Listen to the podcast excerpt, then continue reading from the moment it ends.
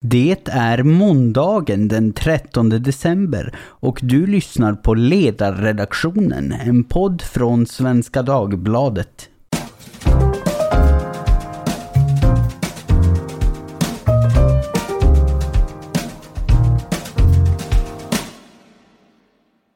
Natten går tunga fjät runt gård och stuva och kring jord som sol förlät är det inte blott skuggor som ruva utan också ett ständigt muterande virus.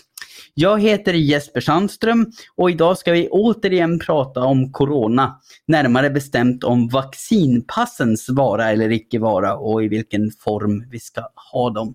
Detta i en tid då smittotalen ökar världen över till följd av den så kallade omikronvarianten som är duktigare på att smita förbi vaccinen. Eh, det senaste på den tapeten är ett utspel på Aftonbladet Debatt i fredags av Ulf Kristersson och Camilla Waltersson Grönvall, den senare socialpolitisk talesperson för Moderaterna. Där föreslår de att vaccinpass ska användas i fler sammanhang med en deltagargräns på åtta personer med möjlighet att sänka den gränsen till noll personer. Så idag ska vi bena i vad syftet med det här förslaget egentligen är, vad Moderaterna hoppas på att uppnå med de här strängare vaccinpassreglerna.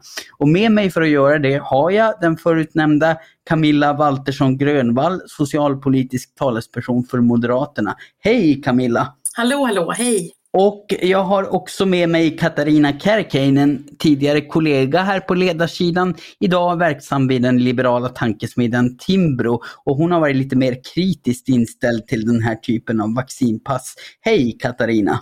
Hej Jesper, kul att vara här! Kul att ha er här båda två. Eh, ja, om jag börjar med dig Camilla, varför är det just här, just nu, dags för skärpta krav på vaccinpass? Ja, det var ju så här att när regeringen hade en pressträff eh, tillsammans med Folkhälsomyndigheten så blev ju det ganska snabbt ett resultat att människor började boka av sina bokningar till exempel på julbord och annat. Och vi menar ju att det är bättre att kunna använda sig av vaccinpass istället för att börja stänga ner samhället igen vid en högre smittspridning. Det vill säga genom att kunna använda sig av vaccinpass så kan man behålla en större frihet på totalen än om man har som alternativ som regeringen då förespråkar att man ska kunna ha högre grad av restriktioner och nedstängningar igen. Det tror inte vi på. Vi vill jobba så långt det är möjligt för att hålla samhället öppet. Är det det som är det primära syftet med, eh, med hårdare krav på vaccinpass? Absolut, det är att kunna hålla samhället öppet i betydligt högre utsträckning eh, och inte behöva stänga ner. Okej, okay, så eh, ni har inte som mål att till exempel förhindra smittspridning eller eh, öka vaccinationsgraden med hjälp av de här hårdare kraven utan, utan det, är det bara menat som ett alternativ till nedstängning? Jo men det är ju en smittskyddsåtgärd naturligtvis eh, och det är ju restriktioner och nedstängning är ju tänkt att för att begränsa smittan. Men vi menar att det här är ett verktyg som vi till skillnad från det första året med pandemin inte hade när olika slags restriktioner var det som fanns till hands. Eh, och sen är det naturligtvis en ytterligare, tycker jag, en positiv del om fler människor väljer att vaccinera sig. För, för mig och för oss är det ingen tvekan om att vaccinen, det är vägen ut ur pandemin och precis som Sverige har varit ett föregångsland när det gäller andra vaccin, alltifrån polio till mässling, så är det naturligtvis så att vaccinet är det även i det här fallet. Och därför vill vi naturligtvis uppmuntra så många människor som möjligt att man ska vaccinera sig så att vi tar oss ur den här gräsliga pandemin så fort som möjligt. Upplever ni att det finns stöd för, för att hårdare krav på vaccinpass skulle bidra till detta, till en högre vaccinationsgrad? Ja, man har ju sett i andra länder att det har ökat andelen vaccinerade när man har infört vaccinpass. Danmark här för några veckor sedan var väl ett av de absolut tydligaste exemplen där många tusentals eh, bokningar skedde inom loppet av bara några timmar när eh, den danska regeringen aviserade att man återgick till vaccinpass. Man har ju haft vaccinpass tidigare i Danmark men haft en period utan. Men det resulterade i att väldigt många fler valde att vaccinera sig. Så det, det är klart att vi hoppas att det blir en positiv effekt av att vaccinpassen i högre utsträckning används i Sverige. Katarina, hur reagerade du när du läste det här utspelet från Moderaterna? Nej, men jag eh, hade väl önskat att den moderata linjen var en annan och eh, i andra hand att om den inte var det, att man kanske talade om det här på ett annat sätt och motiverade sina förslag och åtgärder mer. Så jag var väl inte odelat mm. positiv så att säga när jag läste utspelet. Vad är det som gör att du inte är odelat positiv?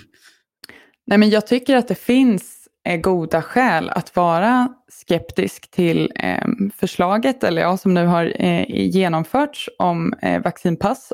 Och det främsta skälet till det är ju att det är en stor frihetsinskränkning.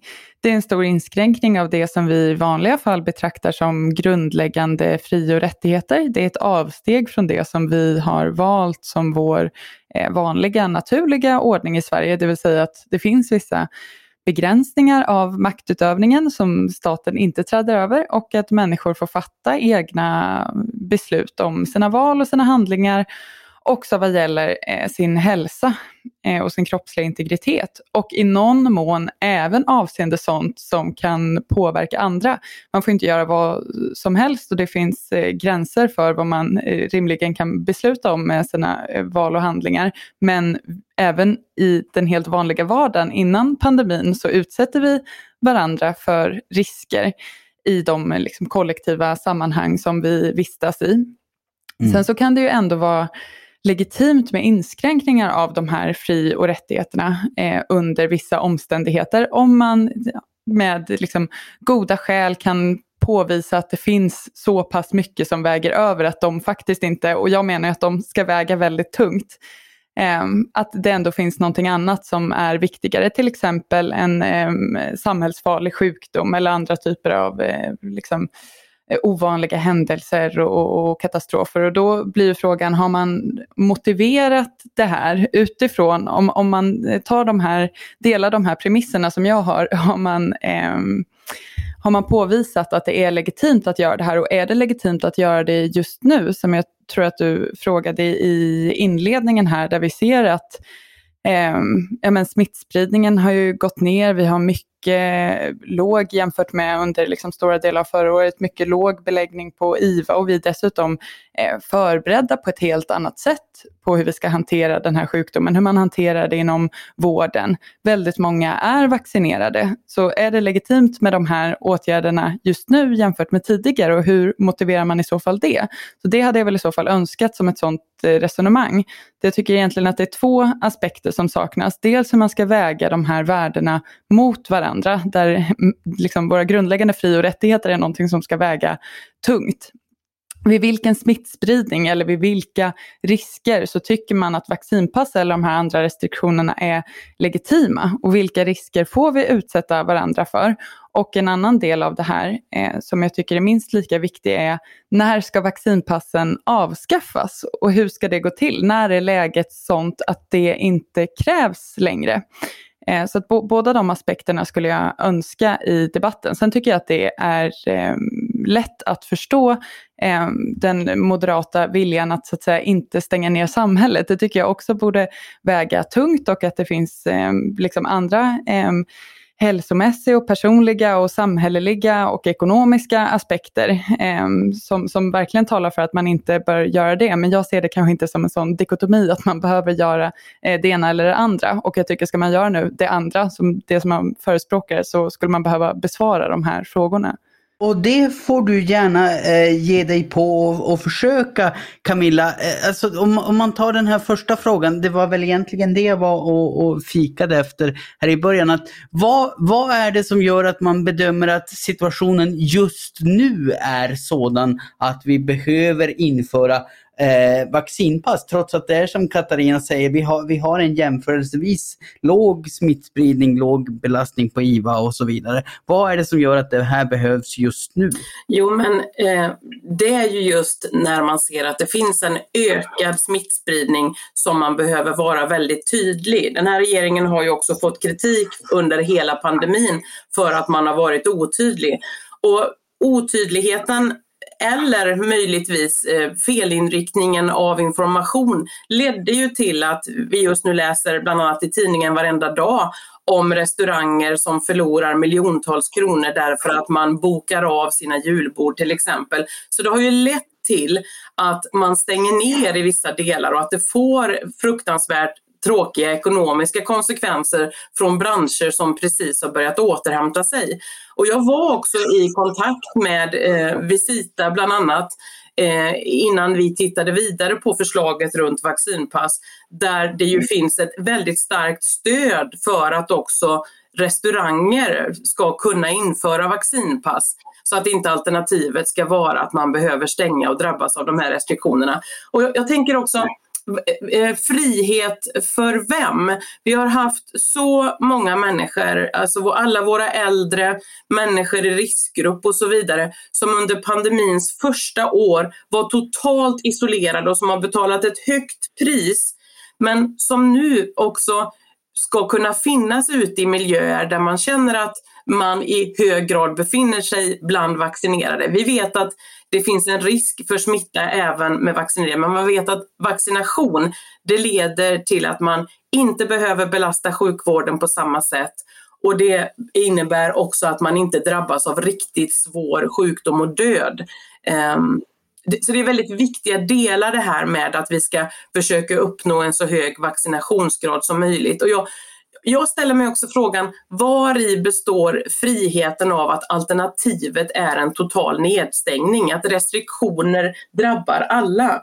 Att, att ställa in allt för alla, det, det blir ju för mig närmast sossigt. Alltså kollektiva straff för alla, oavsett om man har vaccinerat sig eller inte, det tycker jag inte är rimligt.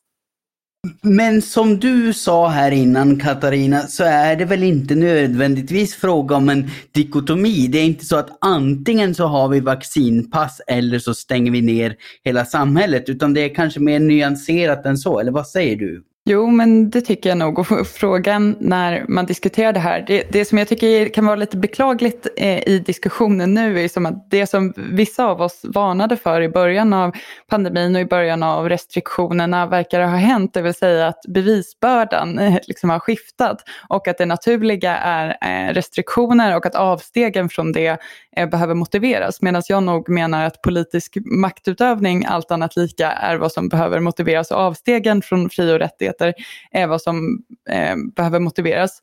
Och jag menar ju att eh, i liksom frågan om man bör göra någonting annat, det är klart att vi alla måste göra någonting annat hela tiden i bemärkelsen att man fortsatt behöver iaktta försiktighet, göra noggranna avvägningar vad gäller ens val och handlingar. Eh, jag tycker att liksom, expertmyndigheterna fortsatt bör ge råd och rekommendationer utifrån den information som de har, inte minst om den här nya varianten och eventuella kommande nya eh, varianter så fort man har information om det och hur de svarar gentemot viruset. Och att personer antingen som är i riskgrupp eller som har andra skäl att vara särskilt försiktiga eller som inte har vaccinerat sig eller bara har tagit en spruta eller eh, överhuvudtaget har liksom särskilda skäl att så göra kanske fortsatt behöver iaktta eh, särskild försiktighet, ännu mer så.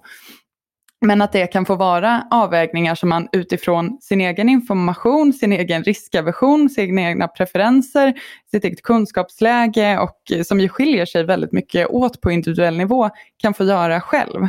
Ja, precis. Att, att eh, det här blir i, i högre grad en fråga om, om individuellt ansvarstagande. För det, det är kanske viktigt och, och hålla på också att, att i, i, en pandemi så måste vi alla var och en ta ansvar. Vi, vi kan inte bara förlita oss på att staten ska sätta upp riktlinjer för, för hur saker och ting ska fungera och sen ska eh, allt vara frid och fröjd. Därför att eh, som, som det är nu så, vi, har, vi har ju en mutation nu som sprider sig som eh, vaccinationen eh, inte alls i lika hög grad skyddar emot. Så finns det inte en risk där, Camilla, att vaccinpass eh, skulle kunna utgöra en falsk trygghet? Ja, vi vet ju ännu så länge inte jättemycket om omikron. Däremot så finns det väl hittills studier vad jag har kunnat se som bland annat visar att eh, tre doser av Pfizer ger ett väldigt gott stöd. Så att vi är väl i inledningsdelen av att, att forskningen just nu försöker att skaffa sig mer kunskap om omikron. Så där vågar jag inte ge mig på att ha mer, mer kunskap än vad forskningen har. Men det vi vet är ju att samtliga de vaccin som finns de ger ett gott skydd mot svår sjukdom och i förlängningen död. Och på det viset så är ju vaccinen eh, vårt ljus ut ur mörkret, vägen ut ur den här pandemin helt enkelt. Och då behöver vi också använda olika smittskyddsåtgärder och det ser vi naturligtvis vaccinpassen som. Eh, och, och det är ju det är ju vid ökad smittspridning, alltså när vi når en högre grad av smittspridning, när det, när det blir en ökad belastning på sjukvården. Det är ju det vi pratar om att man behöver vara tydlig. För jag håller verkligen med om att man behöver ta ett väldigt hög grad av individuellt ansvar. Det, det, är vi de, det är vi moderater de första att påpeka.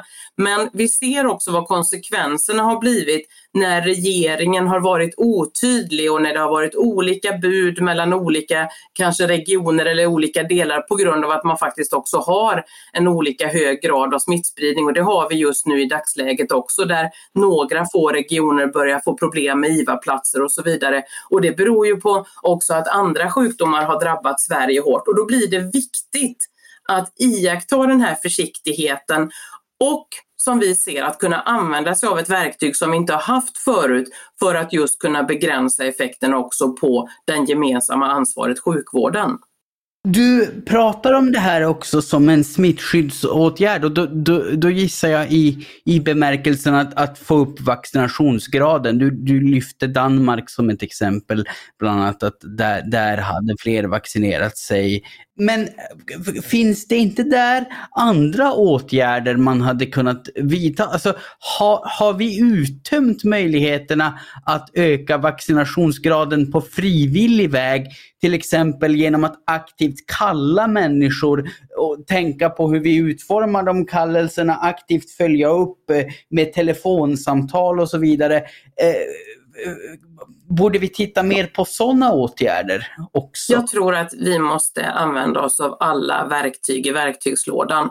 Och där ser man ju att flera regioner och det jag tror att det var Region Uppsala som var först med att vara väldigt framgångsrika i, i bokade vaccinationstider och man ser på andra platser att det har fått väldigt positiv effekt. Vi har ju områden och det är framförallt våra utanförskapsområden där vi har absolut lägst täckning av vaccination och där måste vi arbeta på alla möjliga olika sätt. Sen är det avstånd, det är naturligtvis att de rekommendationer som finns att man eh, om man måste använda kollektivtrafiken och inte kan hålla tillräckligt avstånd ska, ska använda sig av munskydd och så vidare. Så det finns ju en hel palett men vi menar att vaccinpassen det är vid ökad smittspridning en oerhört viktig del att kunna använda där andra vågskålen skulle kunna vara en nedstängning och ökade restriktioner för alla människor. Och vi menar att det också ska vara skillnad mellan att man har valt att ta sitt ansvar med att vaccinera sig och att inte ha gjort det. Så att motiveringen till att införa eh, hårdare krav på vaccinpass, det är ökande smittspridning. Är, är det då, Katarina ställde ju frågan här också, när, när ska de här kraven avskaffas? Var, var sätter ni den, den bortre punkten så att säga? Vad, vad ska hända för att vi inte längre ska ha de här kraven? Det här är ju ytterst en fråga för, för expertisen och våra expertmyndigheter.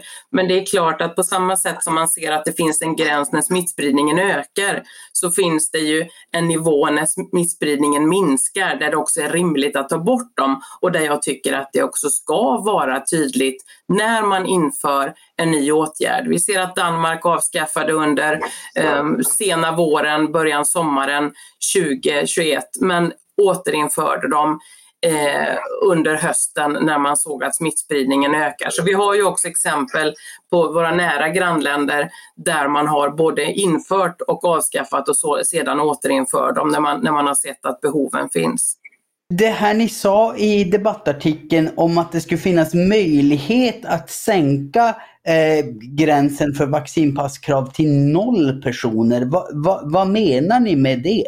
Vad vi menade med det och, och, som jag förstår att det har blivit en del missförstånd runt. Det, det är ju helt enkelt att Eh, Eh, är smittspridningen tillräckligt hög så ska det vara obligatoriskt att visa vaccinpass vid vissa sammankomster. Vid vissa eh, sammankomster som till exempel matcher eller konserter eller till exempel i gallerier, i, i, restauranger och så vidare. Så det här handlar ju inte på något sätt om, om privata sammankomster utan det handlar om, om eh, mer publika sammankomster som, som olika event och så vidare.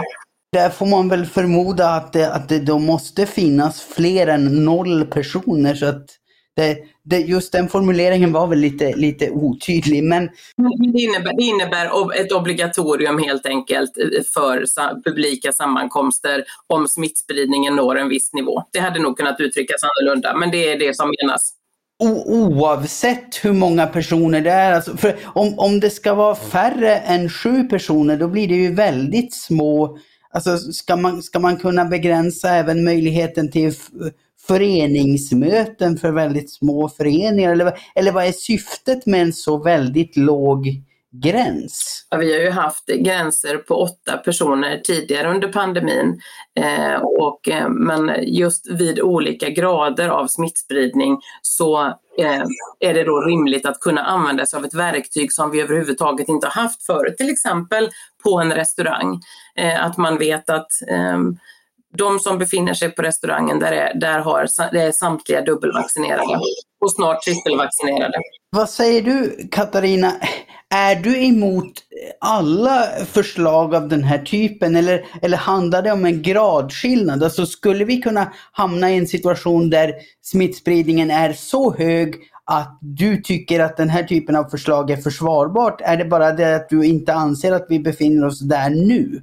Jo, men det är klart att det um, ändå är både en fråga om art och grad. Jag tror att de allra flesta som håller enskildas fri och rättigheter högt ändå ser att det finns under vissa förutsättningar så kan det vara legitimt att eh, begränsa dem eh, vad gäller liksom extraordinära omständigheter.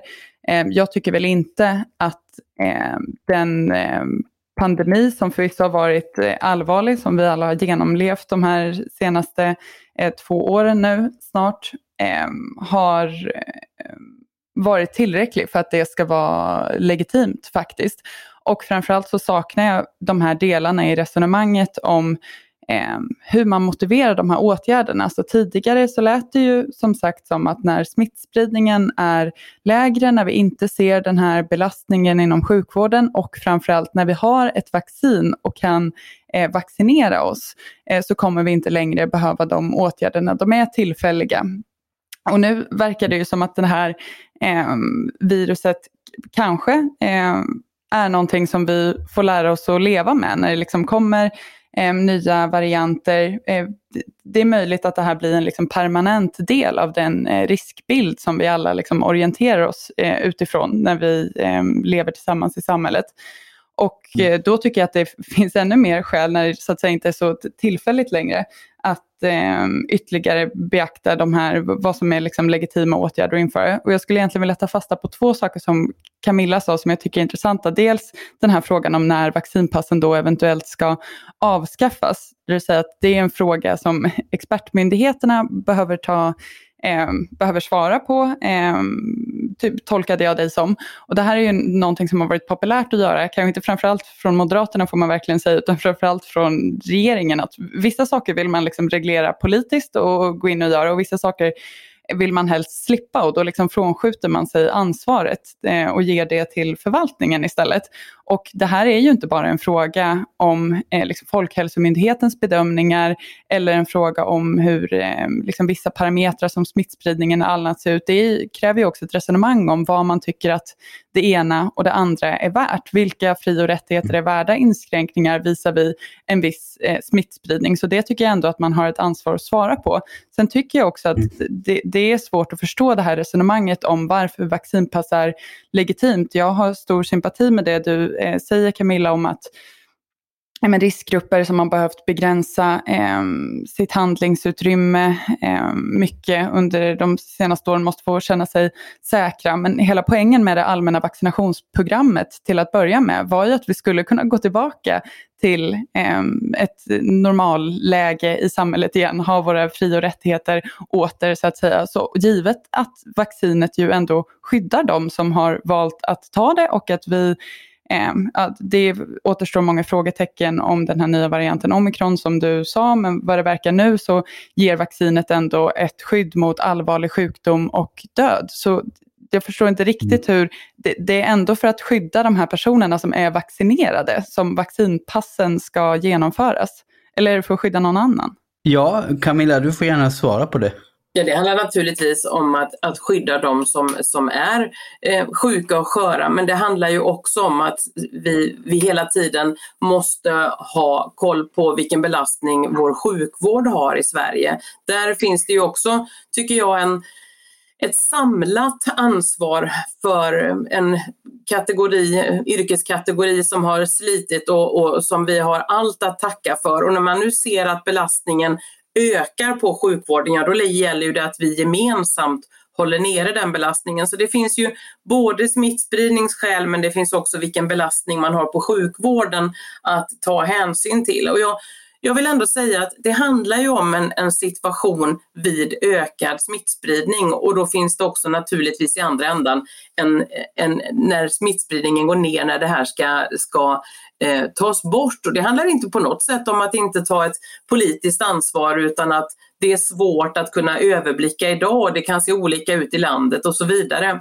Men alternativet som ligger i vågskålen är ju fortfarande att vid ökad smittspridning och man måste göra en insats, då ligger fortfarande en nedstängning. Det vill säga, det här är ändå en större frihet på totalen för alla de människor. Och vi vet ju att vi har en förhållandevis hög vaccinationsgrad i Sverige. Alltså en, en hög, mycket högre grad av frihet på totalen för alla de människor som har valt att vaccinera sig än vad det blir med en nedstängning för alla människor i Sverige. Det är ju absolut inte frihet för oss utan vi står upp för att man ska kunna ha frihet så långt det bara är möjligt men att det finns ett samhällsansvar också i det här och det måste man i, precis som Katarina säger, i en extraordinär situation också vara beredd att ta under en begränsad period.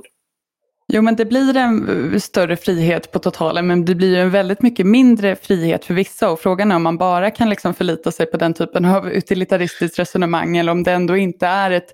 Nu pratar vi lite om, om den här åtgärden som att det är liksom någonting helt eh, rimligt eller normalt, men det är ju väldigt extraordinärt att eh, liksom eh, staten ges rätt att på basis av medicinska liksom, uppgifter hindra människor från att utöva det som vi i vanliga fall tycker är helt liksom, grundläggande rättigheter, att göra frivilliga utbyten, liksom, handla och bete sig i liksom finnas till i ett sammanhang av, av andra människor också baserat på eh, frivillighet. Nu pratar du om liksom smittspridningen som den springande punkten men om man ska göra en så pass stor inskränkning ändå, borde inte det man tittar på vara allvarligare konsekvenser, alltså risken för allvarlig sjukdom eller död, vilken ju ändå är eh, låg för alla oss som har liksom tagit vaccinet redan.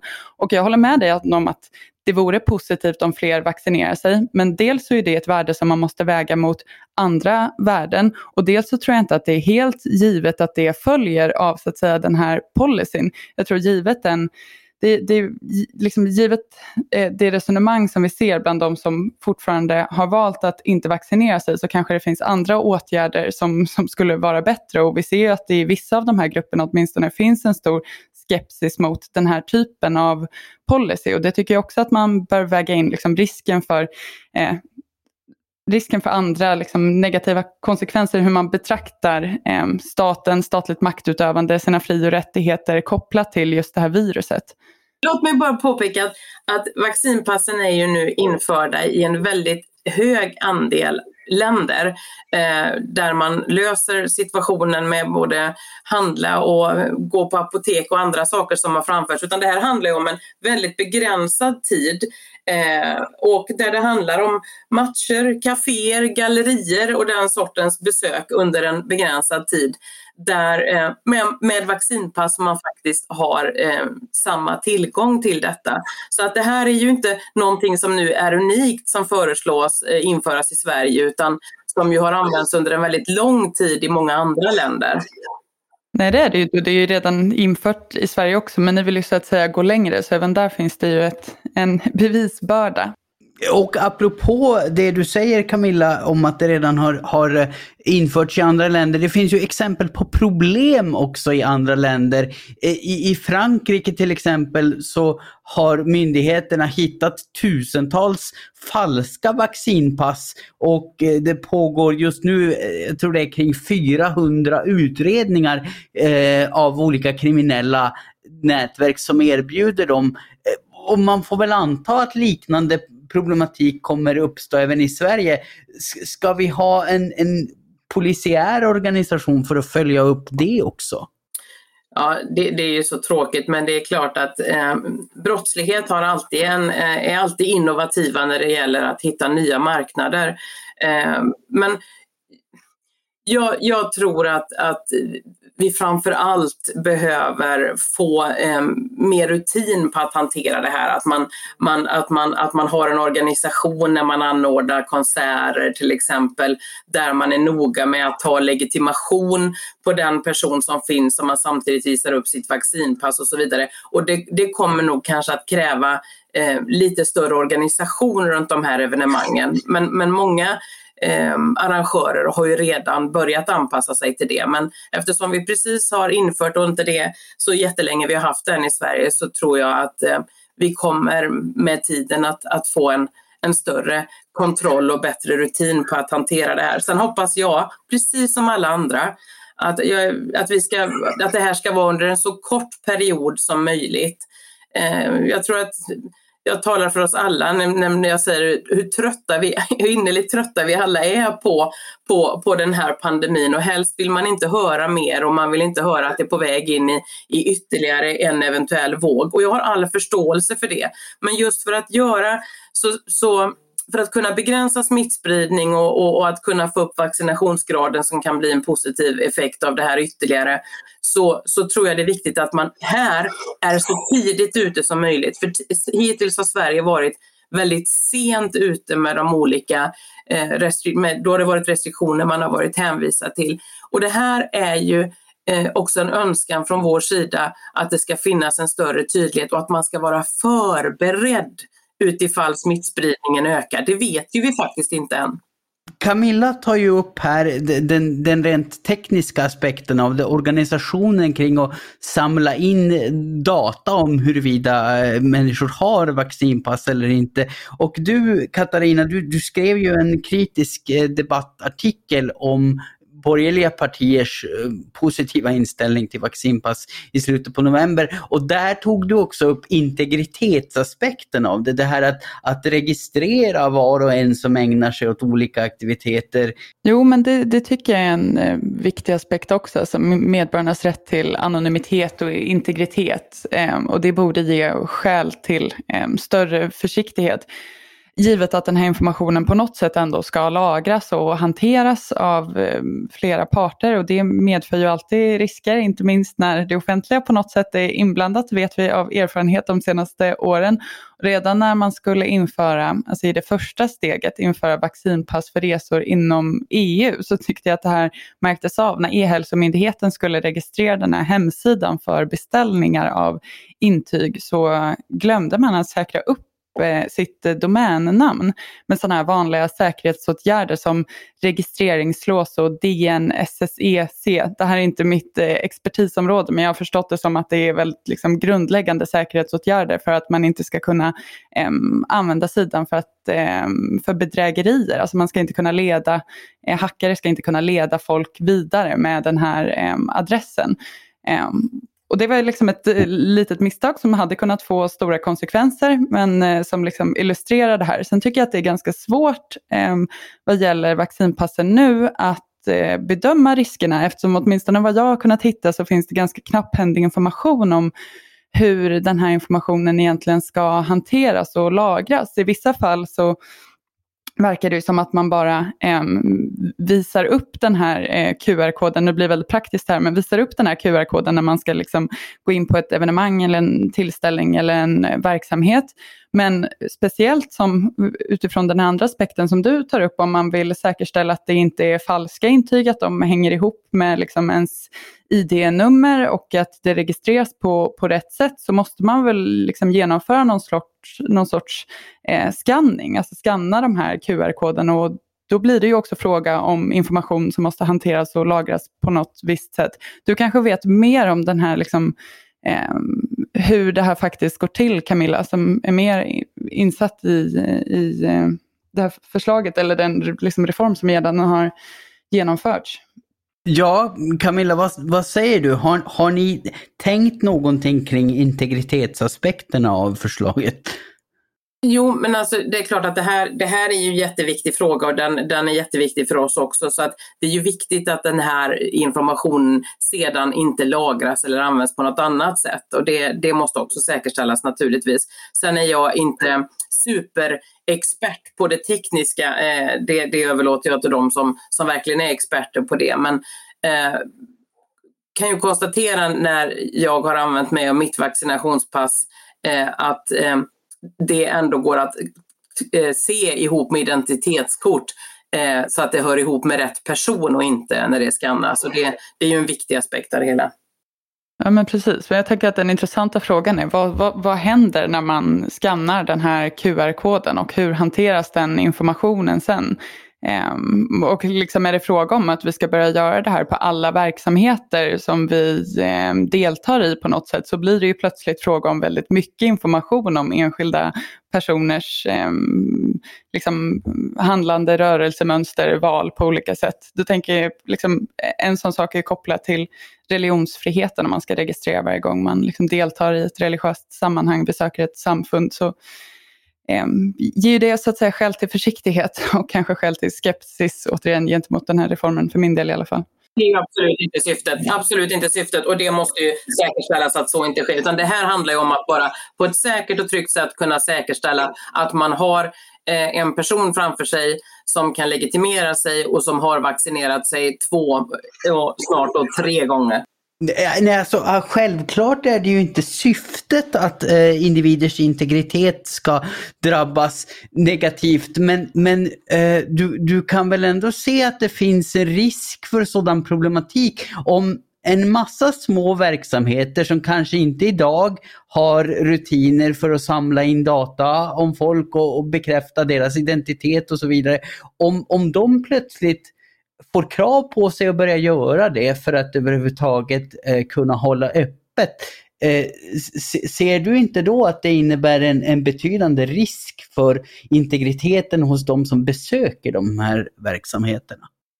Det måste säkerställas att den integriteten bibehålls så att inte det här är, är data som samlas på detta sättet utan att det används till det som är syftet, just att kunna säkerställa vid entrén eh, till exempel att det är eh, vaccinerade personer som kommer in på det här eventet. Det är ju syftet och inget annat och det måste säkerställas. Ja, precis, men för, för att uppnå det syftet så måste man ju ändå samla in potentiellt väldigt, väldigt integritetskränkande data som om den läcker kan, kan ge, ge information om ens, en människas privata och möjligen kontroversiella förehavanden oavsett om man nu besöker en, en kyrka eller för den delen en swingersklubb om vi, om vi ska ta extrema exempel. Så, så att, eh, det, det, det, finns väl en problematik där och jag, jag skulle, skulle önska att eh, framförallt Moderaterna som så att säga historiskt har haft som paradgren att värna den enskildes rätt mot staten också eh, funderade i lite högre grad på de, de aspekterna. Jag, jag, jag, förstår att, att du inte kan vara expert även på det tekniska men, men jag tror att många hade känt sig tryggare om man, om man avhandlade den här frågan i, i större detalj. För att vi vet ju, vi vet ju att statliga system och register kan läcka framförallt kanske sådant som har byggt byggts upp i, i all hast. Så att eh, det, det, det tror jag nog man skulle behöva tänka mer på. Delar, delar den uppfattningen att det där är oerhört viktigt att säkerställa. Är det så viktigt att säkerställa att man inte får införa de här kraven innan det är väldigt noga säkerställt? Blir väl den naturliga frågan då. det, här, det här är ju redan infört sedan ett antal dagar tillbaka. Um, och, men det måste fortsatt vidare. Och jag, jag, jag, jag, skulle tro att, att i, i, de övriga länder där det också införts har det här varit en, samma, eh, en likartad frågeställning. Så att det här är ju en, en, en fråga om att kunna just säkerställa vaccinpassen och i, i sin förlängning att inte kunna använda materialet på ett annat, på ett annat sätt än det det är tänkt att göra. Jag tar Ta med mig den vidare. Ja, jättebra. Eh, jo, nej, det, det, det, är redan infört men det, men det blir betydligt mer långtgående om, om det är så att eh, gränsen sänks. Eh, jag, jag, ska ställa eh, en sista fråga till dig Camilla. Om, om det nu visar sig, för, för det finns ju, finns ju ändå tecken på att vaccinen skyddar sämre mot, mot omikronvarianten. De skyddar fortfarande mot, mot eh, allvarlig sjukdom i många fall, men de skyddar inte i, i lika hög grad mot smittspridning.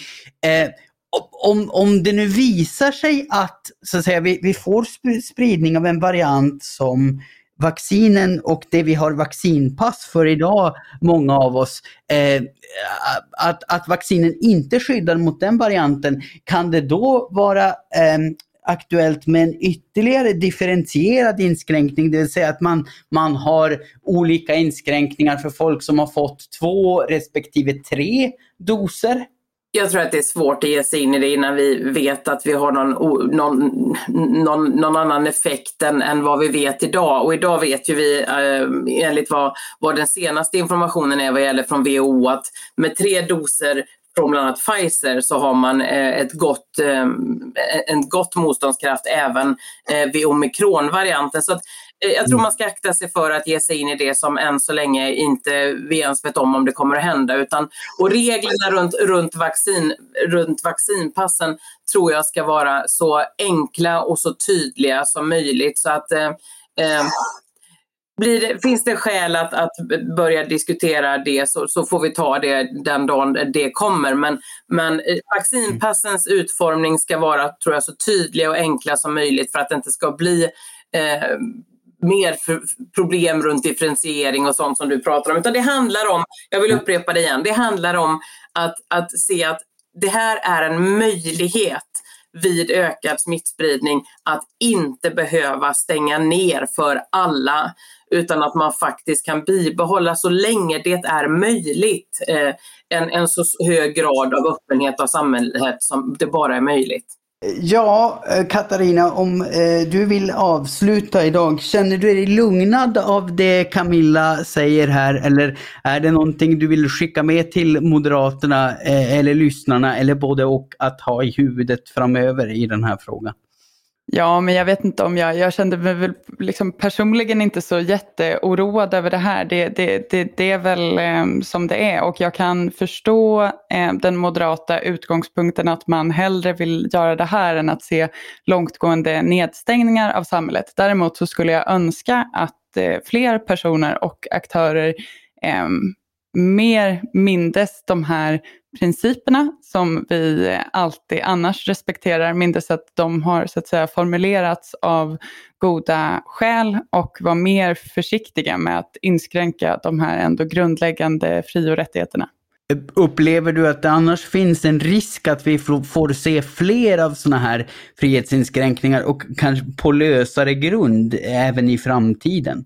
Ja, men det är väl alltid så på något vis att det är enklare att införa den här typen av statliga interventioner än att backa tillbaka från dem. Så därav mitt särskilda intresse för frågan om när de här vaccinpassen ska eh, avskaffas, under vilka premisser och eh, liksom hur. Och att de inte ska utökas till att bli en permanent del av eh, vårt eh, liv och vardag som kan fyllas på med allsköns medicinsk information eller nya varianter eller om det nu skulle visa sig att vi permanent behöver leva med det här eh, viruset.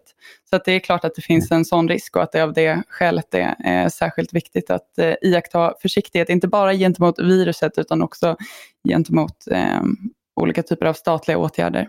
Precis, man brukar väl lite syrligt säga att eh, det finns inget så permanent som en tillfällig politisk åtgärd. Men men, eh, vi får hoppas på det bästa, hoppas på att eh, integritetsaspekter och dylikt ver verkligen säkerställs i möjligaste mån och hoppas på att man noga tänker på avgränsningen av det här, inte bara eh, när och varför det ska börja utan också i så sådana fall när och varför det ska sluta sluta. Med de orden så får jag säga tack till Katarina Kärkeinen vid den liberala tankesmedjan Timbro och Camilla Waltersson Grönvall, socialpolitisk talesperson för Moderaterna. Om ni vill skicka oss några passningar eller vaccinera oss mot vintertristess och trötthet med glada och eller intressanta kommentarer så gör ni det lämpligast med ett mejl till ledarsidan svd.se. Producent, det är i sedvanlig ordning jag, Jesper Sandström, och jag hoppas på att snart få låna dina öron igen. Sen en liten grej som jag inte har tjatat om på länge. Betygsätt oss gärna på Apple Podcasts, det som förut hette iTunes, så att fler kan hitta till podden. Passa nu på att njuta av Lucia innan gränsen för sammankomster sänks till noll personer, för då kan det bli lite ensamt. Tack för idag och hej då!